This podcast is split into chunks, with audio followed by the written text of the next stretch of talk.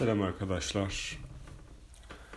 Okuduğunuz gibi başlıkta satranç okuyacağım size. Stefan Zweig'in kitabı. Hiç okumadım daha. Sizle birlikte sizle birlikte ilk defa okuyacağım ben de. Tabi siz de ilk defa okuyacağım. İlk defa kaçta uşuyorsanız. Aynen. Başlıyorum. Gece yarısı New York'tan Buenos Aires'e doğru yola çıkmak üzere olan büyük yolcu gemisinin güvertesinde her zamanki olağan son dakika koşuşturması devam etmekteydi. Orkestra sakin bir şekilde çalarken ayrılmak üzere olan arkadaşlarının yolcu etmek için kırsaldan gelmiş insanlar diğer insanları iteliyor, şapkaları kafalarında yana doğru eğilmiş telgrafçı çocuklar salonlar boyunca isimleri bağırarak koşuyor, yolcuların meraklı çocukları merdivenlerden bir yukarı bir aşağı doğru koşuşturuyor, bagaj eşyaları ve çiçekler gemiye taşınıyordu. Çok yakınımızda birkaç kez flaşlar patladığında bu gürültünün biraz uzağında güvertede ayakta durmuş bir ahbabımla konuşuyordum. Öyle görünüyordu ki gemi kalkmadan önce bazı gazeteciler önemli birini yakalamış, vakit geçirmeden onunla röportaj yapıp fotoğraflarını çekiyordu. Arkadaşım o tarafa baktı ve gülümsedi. Ah orada güvertede nadir bulunan bir kuş var dedi. Bu Kızantoviç. Söyledi, söyledikleri karşısında anlamsız gözlerle bakmış olmalıyım ki açıklama gereğini duymuştu. Mirko Kızantoviç, dünya satranç şampiyonu. Amerika'nın doğu kıyısından batı kıyısına kadar turnuvalara katılarak ülkeyi dolaştı ve şimdi de yeni galibiyetler için Arjantin'e gidiyor. Aslında bu genç dünya şampiyonunun adını hatta kariyerinin zirvesine hızlı bir şekilde yükselişinin bazı detaylarını da hatırlamıştım. Benden daha dikkatli bir gazete okuru olan arkadaşım onunla ilgili tüm hikayeleri ekleme başarısını gösterdi. Bir yıl kadar önce Zantovic birdenbire Alekhine, Capablanca, Tartakover, Lasker ve Bogolyubov gibi satranç sanatının en deneyimli ustalarının bulunduğu noktaya yükselmişti.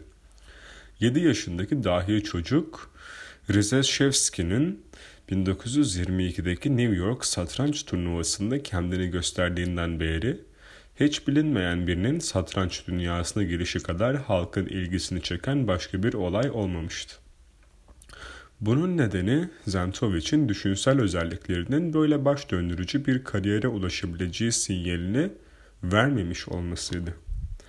Sonunda özel hayatıyla ilgili sırlar ortaya dökülmüştü. Satrancın bu büyük ustası yazım hatası yapmadan herhangi bir dilde cümle kuramıyordu ve gururu kırıl kırılmış bir rakibinin kızgın bir küçümsemeyle söylediğine göre her konudaki cehaleti evrenseldi. Küçük teknesi bir gece tahıl taşıyan bir gemi tarafından batırılan Güney Slovenyalı fakir bir gemicinin oğlu olan 12 yaşındaki Mirko'yu babasının ölümünden sonra yaşadıkları bu gözden ırak köyün rahibi sırf merhamet olsun diye himayesi altına almış ve iyi kalpli rahip köy okulunda başarılı olamayan bu sakin, duyarsız ve yeteneksiz çocuğa okulda öğren öğrenemediklerini telafi etmek için evde özel dersler vermişti. Fakat tüm çabaları boşunaydı. Harflere kendisine yüzlerce kere anlatılmasına karşın onları ilk kez görüyormuş gibi hala boş gözlerle bakıyor ve çok yavaş çalışan beyni en basit eğitimsel öğeleri bile algılayamıyordu. 14 yaşına geldiğinde bile hesap yapmak için parmaklarını kullanıyor ve bu yetişkin çocuğun kitap ya da gazete okuması için çok büyük bir çaba sarf etmesi gerekiyordu. Bununla birlikte Mirko'nun isteksiz ya da dik kafalı olduğu söylenemezdi. Kendisine söylenenleri itaatli bir şekilde yapıyordu. Su taşıyor, odun kırıyor, tarlalarda çalışıyor, mutfağı toplayıp temizliyor ve kendisinden yerine getirilmesi istenen bir görevi sinir bozucu bir şekilde ağır tempoda da olsa güvenilir bir şekilde yerine getiriyordu. Ama iyi kalpli rahibi onu yanlış okudum epey. Ama iyi kalpli rahibi en çok üzen şey bu beceriksiz çocuğun sınırsız aldırmazlığıydı. Kendisinden özellikle istenmedikçe hiçbir işi yapmaz, asla soru sormaz, diğer çocuklarla oynamaz ve kendi isteğiyle hiçbir işi yapmazdı. Evdeki işlerini bitirir bitirmez Mera'daki koyunlar gibi boş boş bakarak duyarsızca ve etrafında olup bitenlere aldırış etmeden oturma odasında otururdu. Rahip akşamları uzun piposunu çekerek, içerek zabıta memuruyla olağan üç el satrancını oynarken bu sarı saçlı çocuk yanlarında sessizce oturur, ağırlaşmış göz kapaklarının altındaki uykulu gözlerle kayıtsız bir şekilde satranç tahtasına bakardı. Bir kış akşamı yine iki oyuncu günlük oyunlarına daldıkları bir sırada bir kızağın köyün ana caddesinden gelen ve gittikçe yaklaşan küçük çan sesleri duyuldu. Şapkası karlarla kaplı bir köylü hızla içeri daldı. Yaşlı annesi ölüm döşeğindeydi ve kadın ölmeden önce rahipten son görevini yedi yerine getirmesi için onu götürmeye gelmişti. Rahip soluk almadan adamı takip etti. Henüz birasını bitirmemiş olan zabıta memuru akşam sonu ermek üzereyken yeni bir pipa yaktı ve tam gitmek, üzere, gitmek üzere ağır botlarını ayağına geçirirken Mirko'nun gözlerini dikkatli bir şekilde satranç tahtasına ve papazla başlamış oldukları oyunu sabitlemiş olduğunu fark etti. Satranç tahtasındaki tek bir taşı bile doğru şekilde hareket ettiremeyeceğinden emin olduğu uykulu çocuğa alay edercesine oyunu tamamlamak mı istiyorsun diye sordu. Çocuk kafasını kaldırarak utana sıkıla baktı ve sonra kafasını sallayarak rahibin yerine oturdu. 14 hamle sonra zabıta memuru yenilmişti ve hatta bu mağlubiyetin yapmış olduğu herhangi bir yanlış hamleden kaynaklanmadığını da itiraf etmek zorunda kalmıştı. İkinci oyunda yine zabıta memurunun yenilgisiyle sonuçlanmıştı. Rahip geri dönüp de bunu duyduğunda şaşkınlık içinde aman tanrım diye bağırdı. Ve İncil hakkındaki bilgisi kendisininkinden daha az, daha az olan arkadaşına böyle bir mucizenin 2000 yıl önce dilsiz bir aptalın aniden konuşmaya başlayarak bir gece sözler söylediği zaman gerçekleşmiş olduğunu anlattı. Gecenin geç bir saati olmasına rağmen rahip yarı cahil öğrencisine birer oyun oynamak için meydan okumaktan kendini alıkoyamadı. Mirko onu da kolayca yendi.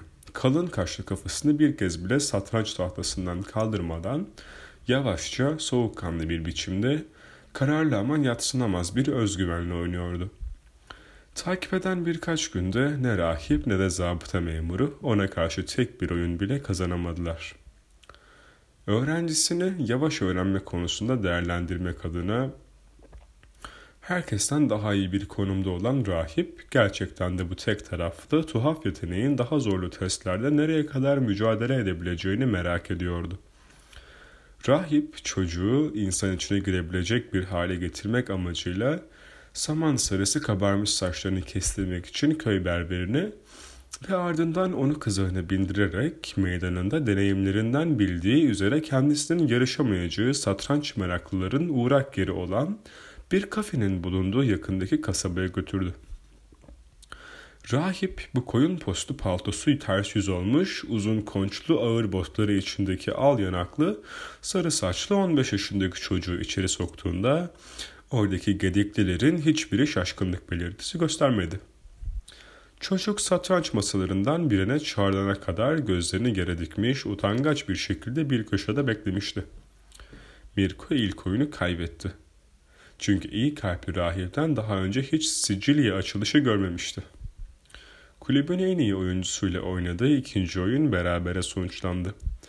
Ama üçüncü oyundan sonra orada bulunan herkesi birer birer yendi.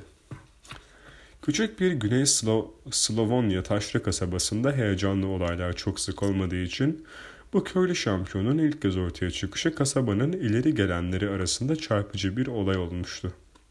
Herkes oy birliğiyle bu dahi çocuğun ertesi güne kadar kesinlikle kasabada kalmasına karar verdi ki böylece kulübün diğer üyeleri de üyeleri davet edilebilecek ve özellikle de kendi içinde yaşayan ve tutkulu bir satranç meraklısı olan Kont Simzik'le yakınlık kurabilecekti. Artık öğrencisiyle yeni ve farklı bir gurur duyan, onu keşfetmiş olmaktan dolayı da büyük bir keyif alan ama aynı zamanda görevi olan pazar ayinini de ayinini de kaçırmak istemeyen rahip Mirko'yu daha ileri düzeyde denenmesi için orada bırakmaya hazır olduğunu söyledi. Genç Santovic parası satranç kulübü tarafından karşılanmak üzere otelde misafir edildi. Ve o ve o akşam hayatında ilk kez bir klozet gördü. Pazar öğleden sonra satranç salonu tıklım tıklım dolmuştu. Satranç masasında 4 saat boyunca kıpırdamadan oturan ve kafasını bir an bile olsun satranç tahtasından kaldırmayan Mirko, tek bir kelime dahi etmeksizin tüm rakiplerini teker teker yendi. Sonunda eş zamanlı bir oyun önerildi. Bu cahil çocuğa eş zamanlı oyunda aynı anda birden fazla oyuncuyla oynaması gerektiğini anlatmak biraz zamanlarını almıştı. Ama Mirko bunu anlar anlamaz hemen işe atıldı ve gıcırdayan ağır botlarının içinde masadan masaya yavaşça dolaşarak 8 oyundan 7'sini kazandı. Şimdi artık daha ciddi tartışmalar başlıyordu. Açık söylemek gerekirse her ne kadar bu yeni şampiyon kasabaya ait olmasa da ya yerel gurur birdenbire alevlenmişti. Belki de haritada herhangi birinin dikkati, dikkatini bile çek, çekmeyecek kadar küçük olan bu kasaba ilk kez ünlü birini dünyaya tanıtmanın haklı onuruna sahip olabilecekti. Asıl işi garnizon meyhanelerine şantöz ve kadın şarkıcılar sağlamak olan Koller adındaki me bir menajer, bir yıllık para yardımı sağlanırsa bu genç adamın Viyana'dan tanıdığı mükemmel bir satranç ustası tarafından satranç sanatı konusunda eğitilmesine yardımcı olmaya hazır ve istekli olduğunu söyledi. 60 yıldır her gün satranç oynayan ve şimdiye kadar böyle olağanüstü bir rakiple karşılaşmamış olan Kont Simzik hemen bir anlaşma imzaladı. Gemicinin oğlunun kariyerindeki şaşırtıcı yükselişin başladığı gün işte o gündü. Mikro 6 ay içinde satrancın tüm sırlarını öğrenmişti. Buna rağmen daha sonra satranç uzmanları tarafından sıkça gözlemlenen ve alay konusu olan bir eksikliği vardı. Zentovic tek bir oyunu bile satranç çevrelerince körleme olarak adlandırılan zihninden oynama becerisi yerine getiremiyordu. Becerisini. Savaş meydanını hayal gücünün sınırsız alanında çizme yeteneğinden tamamen yoksundu ve her zaman 64 kareli siyah beyaz satranç tahtasıyla üzerindeki 32 taşa somut bir şekilde ihtiyaç duyuyordu. Hatta uluslararası ününün zirvesindeyken bile her zaman kolay taşınabilen bir satranç takımıyla seyahat ediyor ve böylece bir şampiyon oyununu yeniden oynamak ya da bir problemi çözmek istediğinde pozisyonları canlı bir şekilde gözünün önünde canlandırabiliyordu. Aslında önemsiz olan bu kusur hayal gücü eksikliğine işaret ediyordu ve satranç otoriteleri, tarafından bir müzik içeriğinde sanki çok önemli bir virtüöz ya da orkestra şefinin önünde notlar olmadan çalmayı veya yönetmeyi başaramaması şeklinde değerlendiriliyor ve hararetle tartışılıyordu. Bununla birlikte bu garip özellik Mirko'nun muhteşem yükselişini kesinlikle geciktirmedi. 17'sinde bir düzine ödül kazanmış, 18'inde Macaristan şampiyonu olmuş ve sonunda 20 yaşında dünya şampiyonluğunu eline almıştı.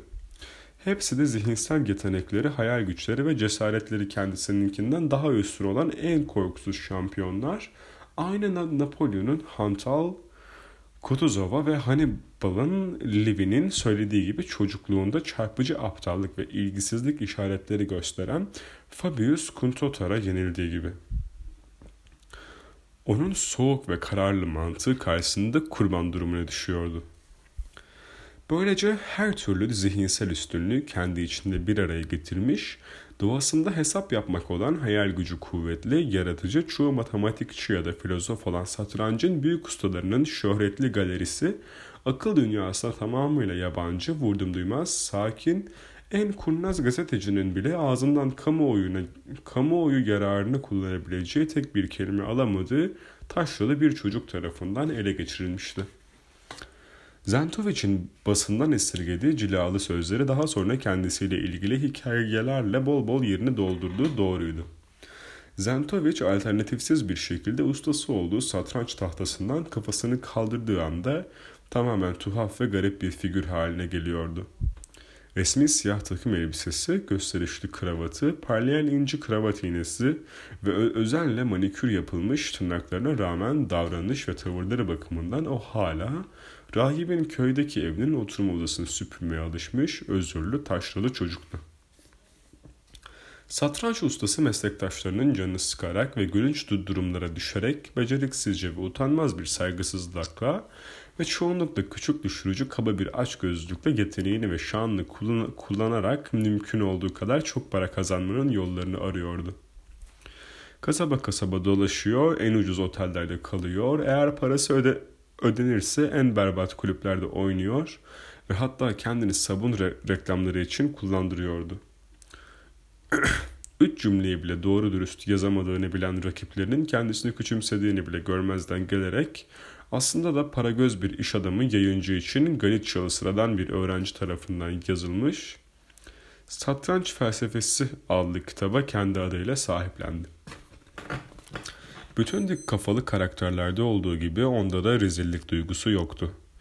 Dünya şampiyonasını kazandığından beri kendini dünyadaki en önemli insan olarak görüyordu ve bütün bu zeki entelektüel insanları, parlak konuşmacıları ve yazarları kendi alanlarında yenilgiye uğratmış olduğunu bilmek, bunların da ötesinde onlardan daha fazla para kazanmış olduğu gerçeği, kökten gelen güvensizliğini soğuk ve genellikle görkemli bir gurura dönüştürmüştü. Arkadaşım bana Zentovic'in çocukça arsızlıklarının klasik örneklerini vermeyi bitirdikten sonra şöhrete bu kadar hızlı ulaşmak çocuğun bomboş başını nasıl döndürmesin ki gibi bir sonuç çıkardı. Bir satranç tahtası üzerinde sadece birkaç taşı hareket ettirerek tüm köylülerin ağaç keserek ve köle gibi çalışarak bir yılda kazandıklarından fazlasını bir haftada kazanması Banat'tan gelen 21 yaşındaki taşralı bir çocuğu nasıl bozmaz ki?'' Ve eğer Rembrandt, Beethoven, Dante ve Napolyon gibi adamlar hakkında en küçük bir fikrin yoksa kendini büyük bir adam olarak görmek şaşırtıcı bir şekilde kolay değil mi? Bu adam sınırlı dünya görüşüyle sadece bir tek şey biliyor. Aylardır tek bir maç bile kaybe kaybetmedi. Bu nedenle dünyada satrançtan ve paradan başka değerler de olduğu hakkında hiçbir fikri yok. Ve kendinden memnun olması için de her türlü sebebi var.'' Arkadaşımın bu yorumları har hararetli merakımın yok olmasına yardımcı olmamıştı. Sadece tek bir fikre sıkışıp kalmış her türden saplantılı kişiler hep ilgimi çekmişti. Çünkü birisi kendine ne kadar kısıtlarsa kendisine değil, tam aksine sonsuza daha yakın olur.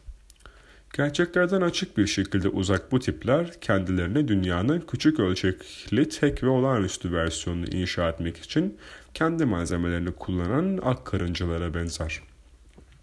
Bu nedenle Rio'ya 12 gün sürecek bu yolculuk boyunca entelektüel olarak saplantılı bu garip örneklerimi yakından inceleme isteğimi gizlemedim.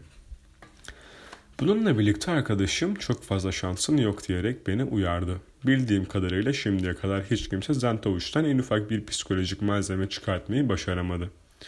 Tüm katı sınırlamalarına rağmen küçük otellerde arayıp bulduğu kendi sosyal çevresindeki taş yollar haricinde herhangi biriyle konuşmaktan uzak durarak kendini hedef haline getirmeyecek kadar açık göz ve amacına ulaşmasını bilen bir köylü. Eğitimli birinin karşısında olduğunu hissettiği anda kabuğuna çekiliyor ve böylece hiç kimseye onun aptalca bir şey söylemiş olduğunu duymakla ya da onun dipsiz bilgisizliğini keşfetmekle övünme fırsatı vermiyordu. Arkadaşım gerçekten de haklı çıkmıştı. Yolculuğumuzun ilk birkaç gününde hiç de tarzım olmayan ısrarcılığı yapmadan Semtoviç'e yaklaşmanın olanaksız olduğu tamamıyla kanıtlanmıştı. Bazen gezinti güvertesinde yürüyordu ama Napolyon'un ünlü portresindeki gibi sadece kendisiyle ilgilenmenin verdiği gururun bir göstergesi olarak elleri her zaman arkasında kavuşmuş durumdaydı. Ayrıca güvertedeki yürüyüşlerini o kadar hızlı ve düzensizce yapıyordu ki eğer onunla konuşmak istiyorsanız yakalamak için arkasından koşmanız gerekiyordu. Salonlarda, barda, sigara odasında asla görünmüyordu. Kamaroton'un Kamarot'un bana söyle söylediğine göre zamanın büyük bir kısmını, zamanının büyük bir kısmını büyük bir satranç tahtası üzerinde pratik yaparak ya da daha önceki oyunlar üzerinde çalışarak kamerasında geçiriyordu. Üç gün sonra onun inatçı savunma tekniklerinin benim ona yaklaşma azmimden daha fazla işe yaraması gerçeği karşısında huzursuz olmaya başlamıştım. Yaşamım boyunca bir satranç ustasıyla birebir tanışma şansım hiç olmamıştı. Ve böyle bir adamın mizacını hayalimde canlandırmayı ne kadar denersem, bütün bir yaşam boyunca sadece 64 siyah ve beyaz karadan oluşan bir alan etrafında dönüp duran beyin aktivitesi formunu o kadar az gözümün önüne getirebiliyordum. Deneyimlerimden, deneyimlerimden şans despotluğunun üzerinde mükemmel bir şekilde yükselerek onu hükümsüz kılan, sadece aklın ya da tanrı vergisi bir zekanın zaferi hak ettiği, insanoğlu tarafından şimdiye kadar icat edilmiş tek oyun olan kralların oyununun gizemli çekiciliğini biliyordum. Ama satrancı bir oyun olarak adlandırıp onu aşağılamaktan dolayı suçlu olmuyor muyuz? Bu aynı zamanda Muhammed'in tabutunun cennetle dünya arasında gidip gelişi, zıt kutuplar arasındaki tek bağlantı gibi bilimle sanat arasında bir şey değil mi? Çok eski ama sonsuza kadar yeni, yapısal olarak mekanik ama sadece hayal gücüyle etkili, geometrik olarak sabit bir alanla sınırlanma, sınırsız bileşimleri olan, sürekli gelişen ama verimsiz, hiçbir yere ulaştırmayan bir düşünce. Hiçbir hesap yapmayan matematik, eseri olmayan bir sanat, materyal, materyali olmayan bir mimari. Fakat buna, buna rağmen kendi varlığı içinde ve özünde tüm kitaplardan ve sanat eserlerinden daha uzun ömürlü, her ne kadar can sıkıntısını gidermesi, insanların akıllarını ve algılarını geliştirmesi için hangi tanrının onu yeryüzüne gönderdiği bilinmese de tüm uluslara ve çağlara ait tek oyun. Nerede başlar ve nerede biter?'' Her çocuk satrancın temel kurallarını öğrenebilir. Her acemi şansını de deneyebilir. Ama bu küçük saplanılmış kare içerisinde kendi özel alanında hiç kimseyle karşılaştırılmayan, sadece satranç oynamak için yetenekli donatılmış, tıpkı matematikçilerin, şairlerin, müzisyenlerin aynı oranda ama farklı katman ve bileşimlerde yaptığı gibi öngörüyü, sabır ve tekniği birleştiren dahiler yetiştirilebilir.'' Fizyonomiye duyulan coşkunun ilk dönemlerinde belki de Gali gibi bir tıp adamı, tıp adamı bir satranç dehasının beyninin merkezini oluşturan gri bölümde özel ayrıntılar ya da bir satranç kütlesi olup olmadığını ve kaslarının diğer ölümlüleri, ölümlülerinkinden daha fazla gelişip gelişmediğini anlamak için bir satranç şampiyonunun beynini kesmiştir. Ve eğer böyle bir fizyonomist 50, 50 kiloluk büyük bir taşın içindeki inci bir altın damarı gibi mutlak bir akıl tembelliği içinden ortaya çıkan bu özel Zentovic örneğinden ne kadar da etkilenirdi. İlk olarak bu tür özgün gösterişli oyunların kendi matadorlarını yarattığını her zaman fark etmiştim. Ama dünyası siyahla beyaz arasında tamamıyla tek yönlü, dar bir gidiş gelişe indirgenmiş, yaşamının zaferlerini sadece 32 satranç taşının il ileri geri oradan buraya hareket edişinde arayan, oyunun açılışını piyon yerine atla yapan ki bu büyük bir kahramanlıktır. Ölümsüzlüklüğün ölümsüzlüğünün küçücük dönüm noktası bir satranç kitabının içine gizlenmiş. Aklının tüm gücünü delirmeden sürekli olarak tahta şahı satranç tahtasının köşesine sıkıştırmak için kullanan böyle akıllı ve akli olarak aktif bir insanın yaşamını anlatmak ne kadar zor ve hatta imkansızdır. Ben ne okudum ya? Ve işte şimdi böyle bir fenomen, böyle garip bir dahi ya da böyle sırlarla dolu bir deli. Fiziksel olarak ilk kez bu kadar yakınımda aynı gemide sadece alt kabin ötemdeydi ve ben akli meselelerdeki merakı her zaman bir tutkuya dönüşen ben bu adama yaklaşmayı başaramıyordum. En komik kurnazlıkları düşünmeye başlamıştım. Mesela çok önemli bir gazete adına röportaj yapmak istiyor gibi görünerek gururunu okşamak ya da İskoçya'da çok kazançlı bir turnuva fikrini ileri sürerek aç gözlülüğünü cezbetmek gibi. Ama sonunda avcıların denediği ve test ettiği dağ horozunu çağırmak için tamahkarlığının sesinin taklit etme yöntemi geldi aklıma. Bir satranç şampiyonunun ilgisini çekebilmek için kendi kendime satranç oynamaktan daha iyi bir yöntem olabilir miydi?'' Satranca her zaman kolay bir nedenle, neşeli bir şekilde ve sadece eğlence olsun diye yaklaştığım için asla ciddi bir satranç oyuncusu olmadım. Eğer satranç tahtasının başında bir saat oturmam gerekirse bunu kendime baskı, baskı kurarak yapmam. Tam tersine kafamı dinlendirmek istediğim için yaparım. Gerçek satranç oyuncuları bunu bir meslek olarak yaparken ben kelimenin tam anlamıyla oynamış olmak için yaparım. Satrançta da aşkta olduğu gibi bir eşe ihtiyacınız vardır. Ve ben bu gemide biz ikimizden başka satranç meraklılarının olup olmadığını henüz bilmiyordum. Eğer varsa onları gizlendikleri yerden çıkarabilmek umuduyla her ne kadar benden daha zayıf bir oyuncu olsa da karımla birlikte satranç tahtasının başına oturup kendimi bir yem gibi kullanarak onlara basit bir tuzak kurdum. Gerçekten de daha altı hamle yapmamıştım ki oradan geçen biri yanımızda durdu. Bir diğeri onu izleyip izleyemeyeceğini sordu. Ve sonunda oynamak isteyen bir aday ortaya çıktı. Adamın adı McConnor'dı. İskoçya'da bir mühendisti ve duyduğum kadarıyla Kaliforniya'da petrol çıkarma işinden bir servet kazanmıştı. Görünüşe göre göze çarpan köşeli elmacık kemikli, dişleri kuvvetli ve tahminime göre çok viski içmekten dolayı kızarmış, dalgalı teni olan güçlü bir adamdı. Ne yazık ki çarpıcı, neredeyse atletiklik bakımından enerji dolu olarak nitelendirilebilecek derecedeki geniş omuzları oyunda bile karakterini açığa çıkaran bir kanıttı. Çünkü bu Bay McConnor en iddiasız oyunda aldıkları yenilginin bile kendilerini öz saygılarından uzaklaştırdığını hisseden, kendi başarılarıyla sabitlenmiş o tiplerden biriydi. Diğer insanlara saygı duymaksızın istediğini elde etmeye alışmış, gerçek başarılarıyla şımartılmış bu abartılı kendi kendini yetiştirmiş adam kendini beğenmişliğiyle o kadar ciddi anlamda ikna olmuştu ki her zıt fikri sanki kendisine yapılmış düşmanca davranış hatta kendisini küçümseyen bir tavırmış gibi görerek al- alınganlık gösteriyordu. İlk oyunu kaybettiğinde suratını asmış, amirane bir ses tonuyla ve ayrıntılı olarak bu yenilginin bir anlık dikkatsizliğinin sonucu olabileceğini açıklamaya başlamıştı. Üçüncü yenilgiden sonra ise yan odadan gelen gürültüyü sebep görmüştü. Derhal bir rövanş maçı yapana kadar asla mutlu olmuyordu. Bu hırslı saplantı önceleri beni eğlendirmişti. Sonunda bunu dünya şampiyonunu masamıza çekmek için kurduğum tuzağı kaçınılmaz bir yan etkisi olarak kabul etmiştim. Üçüncü gün kısmen de olsa kurnazlığım sonuç vermişti. Zentoviç gezinti güvertesine lombozundan mı bakıp bizi görmüştü yoksa Barley ile sigara odasını onurlandırması şans eseri mi olmuştu bilmiyorum. Ama sonunda biz amatörlerin kendi sanatını icra ettiğini görür görmez ister istemez bize yaklaştı ve belirli bir mesafeden satranç tahtamıza şöyle bir bakış fırlattı. Hamle sırası McConnor'daydı. Ve işte o tek bir hamle onun gibi bir ustanın bizim gibi amatörlerin oyunu daha fazla izlemeye değmeyeceğini anlatmaya yetmişti. Tıpkı bir kitapçı dükkanında kendisine önerilen berbat bir dedektif romanını sayfalarını bile karıştırmadan elinizden bırakırken takınabileceğinizin içgüdüsü takınabileceğiniz içgüdüsel bir mimikle masamızdan kalkmıştı. Ve sigara odasından dışarı çıktı. Alaycı ve soğuk bakışından dolayı canım sıkılmıştı.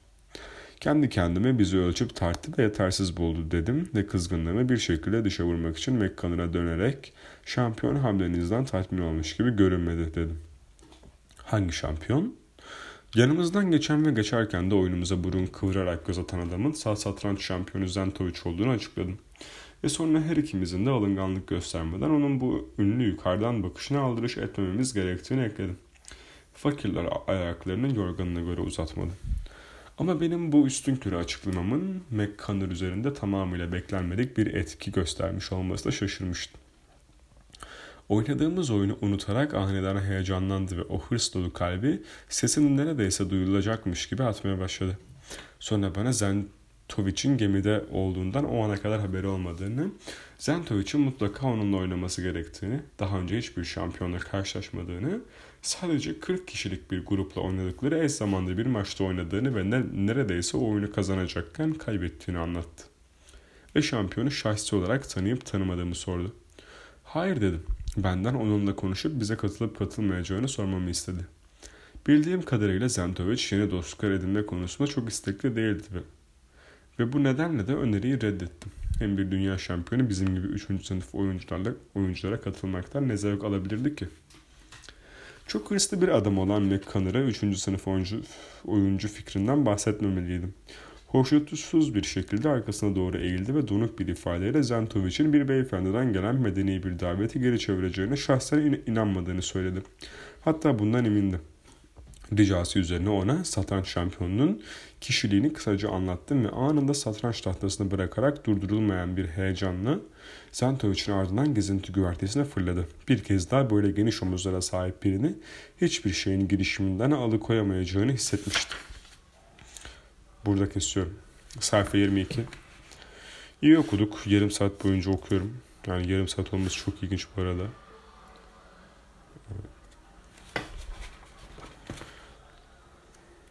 Dörtte bir bitmiş. Güzel. Dört yarım saatte bunu bitireceğiz. Öpüyorum sizi.